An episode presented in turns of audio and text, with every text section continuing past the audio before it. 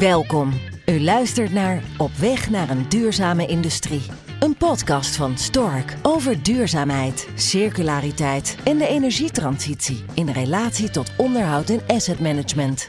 In deze podcastserie spreken we met vernieuwers en over praktijkvoorbeelden in de energietransitie. Uw host is Ferry Visser. Welkom bij deze editie van de podcastserie over duurzaamheid in de energietransitie in de industrie. Vandaag spreken wij met Jacques Dominic. Jacques Dominic is Principal Consultant bij Stork Asset Management Technology. Jacques, wie ben je en wat doe je? Ik eh, ben Jacques Dominic, eh, werk inderdaad eh, bij Stork al ruim vier jaar als consultant op het gebied van asset management en de energietransitie. Stork heeft ook een internationaal netwerk van subject matter experts en daar mag ik ook een rol vervullen als met name expert op het gebied van performance monitoring. Maar ik ben ook lid uh, bijvoorbeeld van uh, de NAP Special Interest Group van Sustainability. En ook daar proberen we voor de industrie zeg maar, uh, interessante oplossingen te bedenken. die kan helpen om, om die energietransitie en duurzaamheid in de industrie verder te promoten. Dat is niet het enige wat ik doe. daarnaast ben ik ook lector bij Avans Hogeschool. En ook daar hou ik me bezig met, met energie. en dan met name heel specifiek op integratie van nieuwe technologie in de energienetwerken. Uh, de smart grids is uh, daar een van de belangrijke focuspunten. Dat is grofweg wat ik doe. Combinatie van deze twee activiteiten. Ja, en, en dat, dat klinkt als een hele mooie combinatie, Jacques. Wij gaan het over de industrie hebben. De energietransitie in de industrie. En waar denk ik onze luisteraars nieuwsgierig naar zijn, is waarom is dat nou zo belangrijk, die energietransitie in de industrie? Ja, het is eigenlijk een verhaal zeg maar, uh, wat ik eigenlijk niet meer echt hoef uit te leggen. Want ik denk dat iedereen zo langzamerhand wel weet in welke situatie we verkeren uh, in de wereld. Uh, alhoewel we natuurlijk dagelijks heel druk bezig zijn met de coronacrisis. weten we dat op de achtergrond zeg maar, het hele probleem van energie, energietransitie zeg maar, waar we middenin zitten. Ook een lange, belangrijke rol speelt. Hè. We kennen allemaal het klimaatakkoord van Parijs, de afspraken die daar gemaakt zijn. Uh, industrie is natuurlijk een hele belangrijke sector uh, uh, voor de Nederlandse economie.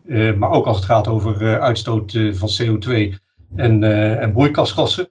dus daar moet nogal het een en ander gebeuren om te zorgen dat we aan de doelstellingen van Parijs gaan voldoen. en we hebben als Nederlandse overheid natuurlijk ook onze handtekening ondergezet. Dus er is werk aan de winkel. Ja, werk aan de winkel. En goed, je geeft al aan, de industrie is een belangrijk uh, onderdeel in die hele verduurzamingsslag die we als maatschappij moeten maken. Kun je aangeven welk percentage van de totale CO2-uitstoot nu voor rekening van de industrie komt? Ja, als je kijkt zeg maar, naar de totale CO2-emissies, uh, eh, dan is voor Nederland ongeveer 50% van de uitstoot komt voor rekening van de industrie. En de andere voor de gebouwde omgeving, mobiliteit, elektriciteitsproductie en dergelijke. maar dat geeft dus aan, zeg maar, wat het belang is om die industrie in Nederland ook uh, sterk te gaan verduurzamen. Ja, ja want, hoe staat de industrie er überhaupt voor op het gebied van duurzaamheid? En dan moeten we duurzaamheid denk ik heel breed zien. Hè? Uh, ik heb me laten vertellen dat grote bedrijven nu ook een, in hun financiële jaarrapportage ook duurzaamheidsrapportages moeten, moeten indienen. Wordt daar serieus mee omgegaan en worden er meters gemaakt? Uiteraard worden er meters gemaakt, hè? maar zoals in uh, alle processen zijn er altijd frontrunners en, en volgers. Dus een aantal grote bedrijven pakken echt wel uh, dit uh, serieus bij de kop. Uh, of het snel genoeg gaat, ja, dat kun je je afvragen. Hè? Want je ziet dat de trend zeg maar, van CO2-emissies wel dalend is. Maar niet zeg maar, volgens de, de, plannen die we hebben afgesproken om uiteindelijk in 2030 naar die 49% reductie toe te gaan. dus er moet ook een tandje bij links en rechts. En ook daar is natuurlijk ook voor de industrie wel het werk te doen.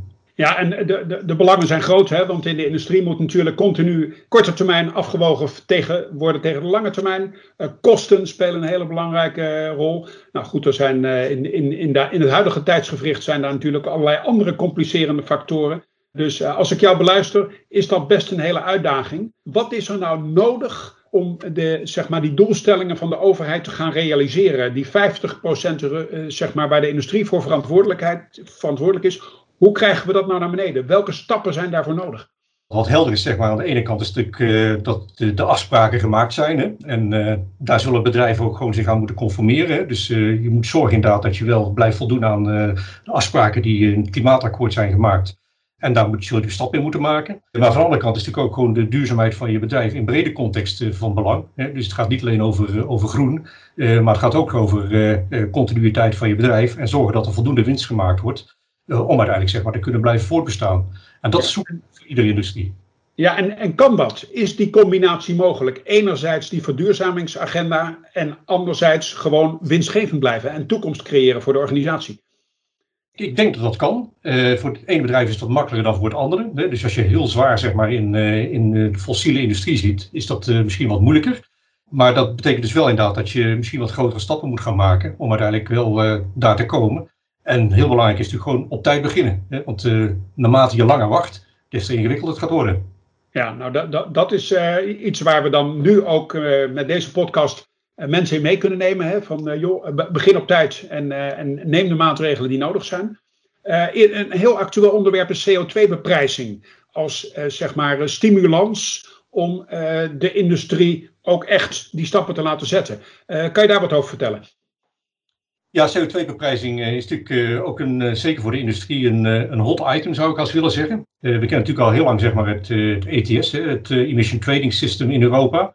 Waarbij we dus met de CO2-emissie en beprijzing van CO2 uh, kunnen regelen. maar je ziet dat die prijs zeg maar, enorm op en neer gaat. van, van 30 euro naar 8 euro naar 15 euro. en daarmee wordt het dus heel moeilijk zeg maar, om daar zeg maar, een fatsoenlijke business case op te bouwen. Dus de Nederlandse overheid, en dat doen meerdere overheden, hebben inmiddels besloten om ook daarbovenop nog een stukje belasting te gaan heffen. En daardoor zeg maar inderdaad wordt het nog belangrijker inderdaad om gewoon je emissies terug te dringen. Want het gaat je gewoon serieus geld kosten. Ja, en, en daar heb je dan een onderwerp waar volgens mij veel discussie over is. Want de vraag is natuurlijk direct: prijzen we onszelf niet uit de markt? En verdringt dit bedrijven niet uit Nederland naar landen waar die hogere CO2-beprijzing niet aan de orde is? En waar, waarom zouden bedrijven die in Nederland willen blijven, toch concurrerend kunnen blijven en toch die slag kunnen maken in die, uh, in die duurzaamheidstransitie? Ja, we zitten natuurlijk uh, in, een, een, een, internationale wereld. En het zou natuurlijk mooi zijn zeg maar, als alle landen zeg maar, eh, op dezelfde manier tegen de materie aankijken. Maar je ziet dat belastingheffing op CO2 in ieder land weer anders geregeld is. En ook op een ander niveau wordt ingezet. Je wilt natuurlijk zeg maar, wel je, je industrie behouden. En dat betekent dus wel zeg maar, dat je ook bedrijven moet helpen om uiteindelijk te zorgen inderdaad, dat ze die transitie op een goede manier kunnen doormaken. Dus met behoud van werkgelegenheid, maar wel op een, meer duurzame manier dan we nu doen. Juist, dus daar ligt een grote taak voor de, voor de overheid, denk ik, om daar ook nou ja, stimulerend, maar ook ondersteunend in te zijn. En als we het dan toch over die overheid hebben, met welke regelgeving heeft en krijgt de industrie te maken op dit gebied? Want uh, ja, die overheid die gaat daar natuurlijk druk op uitoefenen om deze transitie echt aan de gang te krijgen. Ja, we hebben het klimaatakkoord, maar wat is er nog meer? Ja, nee, klimaatakkoord is natuurlijk helder. Hè? En ook dat is zeg maar iets wat ja, voor de rechter soms wordt afgedwongen hè? door partijen ja. als de Agenda bijvoorbeeld. Hè? dus dat maakt het wel heel spannend. Dus de overheid staat zwaar onder druk om wat ze hebben beloofd om daadwerkelijk ook waar te maken. En vervolgens zal de industrie daar natuurlijk zeg maar ook druk van krijgen om dat te gaan regelen. En vanuit Europa zijn natuurlijk allerlei directives in het leven geroepen. die ook zeg maar de status van, van wetgeving hebben in de verschillende Europese lidstaten. Dus de Energy Directive is bijvoorbeeld een, een hele belangrijke. Die probeert zeg maar inderdaad om bedrijven aan te zetten om energie-efficiënter te worden. En gewoon ieder jaar percentages van de energieconsumptie af te halen. Om uiteindelijk inderdaad, hè, want alles wat je niet verbruikt, hoef je ook niet op te wekken. en heeft ook geen uitstoot. dus dat is zeg maar een hele belangrijke boodschap voor de industrie. Werk aan die energie-efficiëntie. Ja, dus, dus ook daar is die, die trias energetica waar altijd over gesproken wordt. Hè, het terugdringen van het energieverbruik is natuurlijk een hele belangrijke component daarin. En, en dat is misschien ook het laaghangend fruit. Ik weet niet of ik dat zo mag zeggen, maar misschien zou je daarop in kunnen gaan. Want de vraag is natuurlijk, wat zijn de eerste stappen die het duurzaamheidsvliegwiel binnen een industrieel bedrijf op gang kunnen brengen? Ja, dat heeft uh, nou, toch te maken met een aantal stappen. Uh, het eerste is gewoon uh, ja, zorgen dat je je huishouden op orde is. Hè. zorg inderdaad dat je installaties die je hebt goed worden onderhouden. dat ze ja, binnen de emissienormen blijven die daarvoor zijn voorgeschreven. Maar ga intussen ook nadenken inderdaad over één op één vervanging hè, van bepaalde type installaties die vervuilend zijn. Voor nieuwe technologie, die op dit moment ook gewoon voorhanden is. En dan kun je natuurlijk uiteindelijk zeg maar, naar een wat groter plan gaan. Maar dan ben je een aantal jaren verder. Waarbij je gewoon ook je primaire proces natuurlijk zeg maar, onder de loep gaat nemen. En dan gaat kijken inderdaad uh, ja, of je misschien uh, bepaalde productielijnen of bepaalde productieprocessen op een andere manier moet gaan inrichten. Ja, ja, ja maar het begint dus eigenlijk met een situatiebeoordeling. Hè? En nou ja, goed, we, we, ik spreek niet voor niks met iemand van Stork. Zit daar ook een, een, een, zeg maar een, een, een activiteit van Stork in, in het beoordelen van die situatie? Ja, het begint meestal toch inderdaad met het maken van de, van de foto. Hè, om gewoon een idee te krijgen, zeg maar, hoe de energieprestatie van, van een bedrijf is, of van een organisatie. Dat kun je met, met assessment methodieken doen. Er zijn verschillende tools voor beschikbaar om dat in kaart te brengen. En dat is eigenlijk het startpunt. Hè. Dan heb je die foto en daar moet je vervolgens de ambitie zeg maar, tegenaan leggen. Maar ook wat er vereist wordt vanuit de wet en regelgeving. En dan kun je een soort roadmap gaan schetsen en zeggen, nou, welke stappen zouden we kunnen maken in de komende jaren om uiteindelijk inderdaad naar dat doel toe te gaan wat je dan voor ogen hebt. Ja, ja, ik, ik hoor een aantal elementen in jouw antwoord op het gebied van, van compliance, maar ook prestatie, kosten, risico. Dat zijn allemaal zeg maar elementen die ook in het domein van asset management vallen. Waarom ziet Stork de energietransitie eigenlijk gewoon als onderdeel van modern asset management? Ja, ik, ik zou dat willen omdraaien. De energietransitie is asset management. Uh, en, dus, en Stork is ook een, een bedrijf, zeg maar, wat uh, als we kijken naar de historie, altijd met, met energie bezig is geweest. en dat gaat al terug, zeg maar, inderdaad, tot de tijd van, van de stoomturbines, bij wijze van spreken. dus we, doen eigenlijk niet anders. En is gewoon een van de belangrijke aspecten, zeg maar, als het gaat over modern asset management.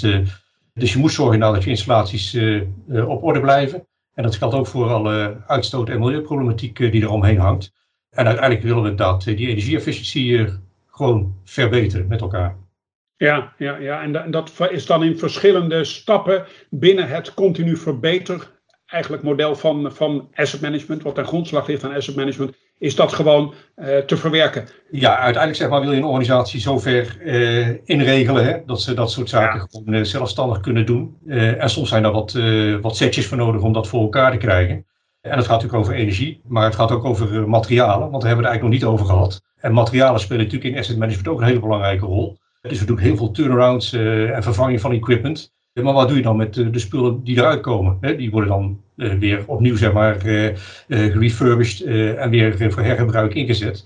Ook dat is in feite zeg maar, circulariteit en terugdringen van CO2. Ja, ja, dus je kan eigenlijk energietransitie ook niet zonder circulariteit zien. En dus ook zonder aandacht voor die materialenstroom. Als je naar een wat hoger niveau kijkt, gaat het eigenlijk om die, die CO2-reductie. En ook het, het maken en uh, herstellen van producten, uh, daar komt CO2 bij vrij. Uh, dus ook op dat front zul je moeten werken. Naast dat je inderdaad gewoon de huidige operationele processen gewoon moet verbeteren. Ja, ja. Nou, nou, nou zien we natuurlijk in de industrie dat er toch bij veel partijen nog koudwatervrees is. Hè? En dat zit ook natuurlijk in die korte termijn versus lange termijn agenda. Waarom is nou het delen van kennis en vooral ook eerste ervaringen in die energietransitie voor die industriële bedrijven, waarom is het belangrijk? Ja, eigenlijk zitten we allemaal in hetzelfde schuitje. Uh, wonen op dezelfde wereld en uh, we moeten allemaal zorgen inderdaad dat we ons steentje bijdragen om uiteindelijk die energietransitie door te maken. Het samen op pad gaan en kennis delen is natuurlijk essentieel. Hè? Dus ieder kan voor zich natuurlijk binnen zijn eigen bedrijf actie ondernemen. Maar wij denken dat met name zeg maar, het uh, gezamenlijke uh, daarin, en dat uh, proberen we ook zeg maar, via verschillende platforms proberen we dat ook te etaleren, dat dat echt de versnelling gaat geven zeg maar, voor de industrie om uiteindelijk zeg maar, naar de doelstelling toe te gaan die we voor ogen hebben. Dat is duidelijk, hè? we moeten het samen gaan doen.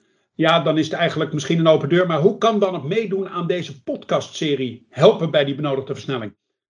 Nou, als, als bedrijven geïnteresseerd zijn om, uh, om hun verhaal te vertellen, uh, dan kan natuurlijk andere bedrijven weer inspireren om uiteindelijk zeg maar ook uh, stappen te gaan maken. En dat is nou, waar, waar we naar op zoek zijn. Hè? Om elkaar te inspireren, te raken en te zorgen inderdaad dat dat tot actie gaat leiden. Ja, ja dus, dus eigenlijk als heel industrieel cluster in Nederland moeten we het samen doen, moeten we elkaar gaan inspireren, maar vooral elkaar ook meenemen in die eerste stappen om de zaak op gang te krijgen en inderdaad uh, uh, die verduurzaming uh, echt in een versnelling te brengen. Ja, dan, dan rest mij niet anders dan aan jou te vragen, Jacques. hoe kunnen luisteraars van deze podcast, hoe kunnen ze meedoen aan, aan dit initiatief? Ja, we zijn dit initiatief gestart om met name inderdaad te kijken of we een gezamenlijk platform zouden kunnen bouwen om die ervaringen met elkaar te kunnen delen. dus als er bedrijven geïnteresseerd zijn om hun verhaal te vertellen, willen wij absoluut heel graag dit platform aanbieden. Dus is er een uh, interesse? Meld je bij, uh, bij Stork. En dan gaan wij ermee aan de slag om hier een interessante uh, podcast van te maken. Die we dan ook weer met andere bedrijven in Nederland of misschien ook wel internationaal willen delen. Heel duidelijk verhaal, Jacques. Een mooie oproep, zou ik zeggen.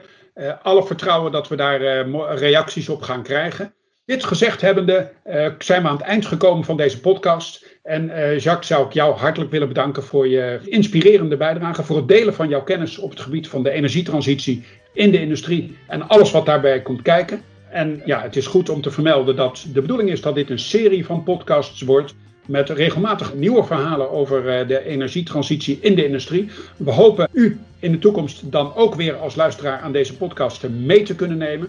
En zoals al eerder gezegd, meld je als je graag zelf een bijdrage wil leveren aan deze podcastserie. Dank u wel.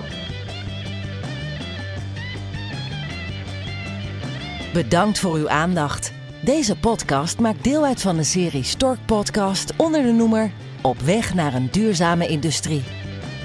Beluister ook de andere edities. Meer informatie en alle andere podcasts vindt u op stork.com/podcast.